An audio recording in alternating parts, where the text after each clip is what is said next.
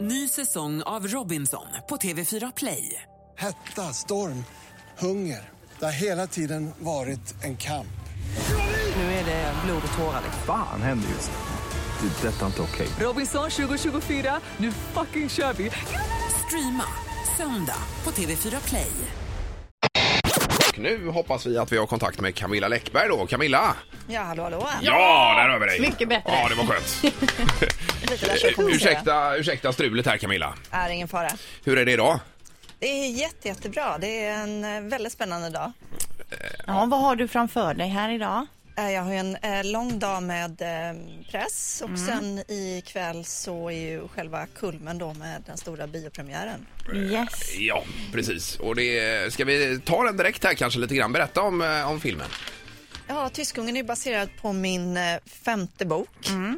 Eh, Och eh, det är ju Claudia Galli Concha och Rickard Ulfsäter som har huvudrollerna. Vi har även fantastiska skådespelare som Jan Malmsjö och Amanda Ooms och Lennart Jäkel med. Och jag är supernöjd med filmen. Ja, vad kul. Eh, Malmsjö är ju, ja, jag älskar Ja, Malmsjö. alltså han är outstanding. Det går ju inte att liksom inte falla. Men jag tyckte jag läste här någonstans att det är den sjätte filmen. Ja, Eller- fast det är, vi har gjort fem stycken som är gjorda för tv, som är baserade på karaktärerna men inte på böckerna. Ah. Eh, Men det här är ju första biofilmen som är gjord på en av mina böcker då. Ja, just Ja, okej. det. Och Tyskungen från 2007. Då berätta lite plotten, vad handlar den om? Som, som i alla mina böcker så är det ju en historia i två plan. Så att det är ju eh, andra världskrigets historia och så är det ju nutidshistoria. Och det har väldigt mycket med min huvudperson Erikas mamma att göra. Hon hittar ett, eh, en, ett nazikors eh, bland sin mammas tillhörigheter och börjar rota i det här. Mm. Just det. Och då, eh, inför att du skrev den här boken så har du eh, läst på ordentligt misstänker vi.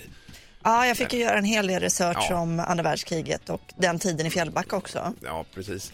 Eh, vad tänkte jag på? Det är tio år som författarinna nu också Camilla. Ja, helt otroligt. Det har gått fort kan jag säga. Ja, men samtidigt så känns det som du har liksom varit med i människors liv hur länge som helst. Men det, jag tänkte så här, det måste vara mer än tio år. Men det, Så gammal är jag inte. nej. Men du, du skriver ju inte bara deckare, du barnböcker också, Super-Charlie. Ja, kommer De, tredje mina nu barn i- älskar dem och vi går, den här skivan går varm hemma också, Super-Charlie. Vad Oh, roligt, oh. vad glad jag blir. Oh, oh, oh. Den kör de på högsta volym där. Och den är ju härlig också, rolig, eh, illustrerad tycker jag. Och mamman där eh, är ju väldigt lik dig. Ja, det, av, en, av en händelse så Ja. råkar hon vara väldigt, väldigt lik mig.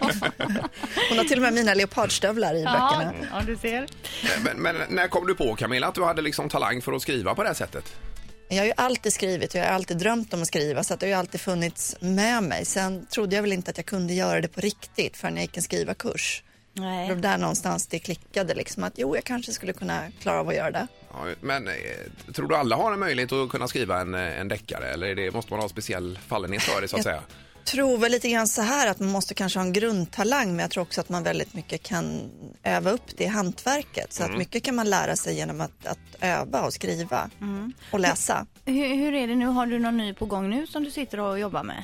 Ja, jag håller på att skriva på nästa nu som ska heta Lejontämjaren. Aha. Så att det blir ju den nionde i ordningen. Mm. Och när, blir, när kommer den ut då? Eller när är den klar? 2014 Blir det? Ja. ska den komma ut. Okej, men hur lång tid planerar man? Alltså, blir det ett år eller ett och ett halvt för en bok? Eller?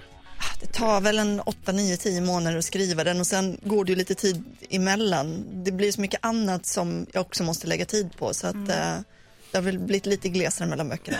Men när man sitter och skriver eh, en bok, sitter man liksom konstant och skriver tills den är är klar då? Eller kan man ta två, tre veckors semester och sen gå tillbaka till boken igen?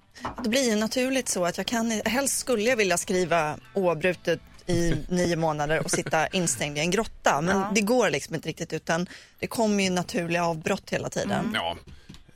Eh, blir det inte svårt att komma tillbaka bara då när man har gjort något annat? Nej, man sätter sig och så läser man liksom de sista sidorna man skrev innan och så plockar man upp tråden där. Okej, ja, ja. Och vad har du för planer i sommar då? Eh, I sommar ska jag eh, dels en vecka till New York för jag ska dit och ha min, göra min första tävling i latindans. Eh, Oj, ja. Ehm. Men vadå, da- tävlingsdansar du? Mm. Ja, jag är fortsatt dansa så att jag ska tävla inom något som heter Pro-Am, det är ett proffsdans med en amatör och jag är uppenbarligen amatören då. Så att, Ja, vad roligt. eh, jag och min danspartner Stefan Norradei, vi kör vår första tävling i New York 6 juli. Ja, Ja, men vad kul och fantastiskt. detta efter Let's Dance då alltså. Ja, men det är faktiskt. Jag fick blodad tand Ja. och eh, älskade så mycket att dansa så att jag fortsatt. Ja, vad Ja, kul. vad roligt. Och sen blir det landet för resten av Ja, sommaren. det gör det. Och midsommarafton, då blir det ut och in med stolarna och det här. Och... Ja, och karaoke ska det bli. Jag är karaokeansvarig så att jag måste lösa det här med utrustning. Jag har lite panik så. Jaha, så Wow, att, okej. ja. karaoke, det kan bli hur som helst. Ja, det är alltid en stress med midsommar. Det är liksom Ja, ingen det är rast och ro det. med det. Nej, nej, nej, nej. Ja, underbart. Tack så mycket och lycka till med filmen här Camilla. Ja, men tack så hemskt mycket. Tack, tack. Hej, hej. då. Hej. Hej. Ett poddtips från Podplay.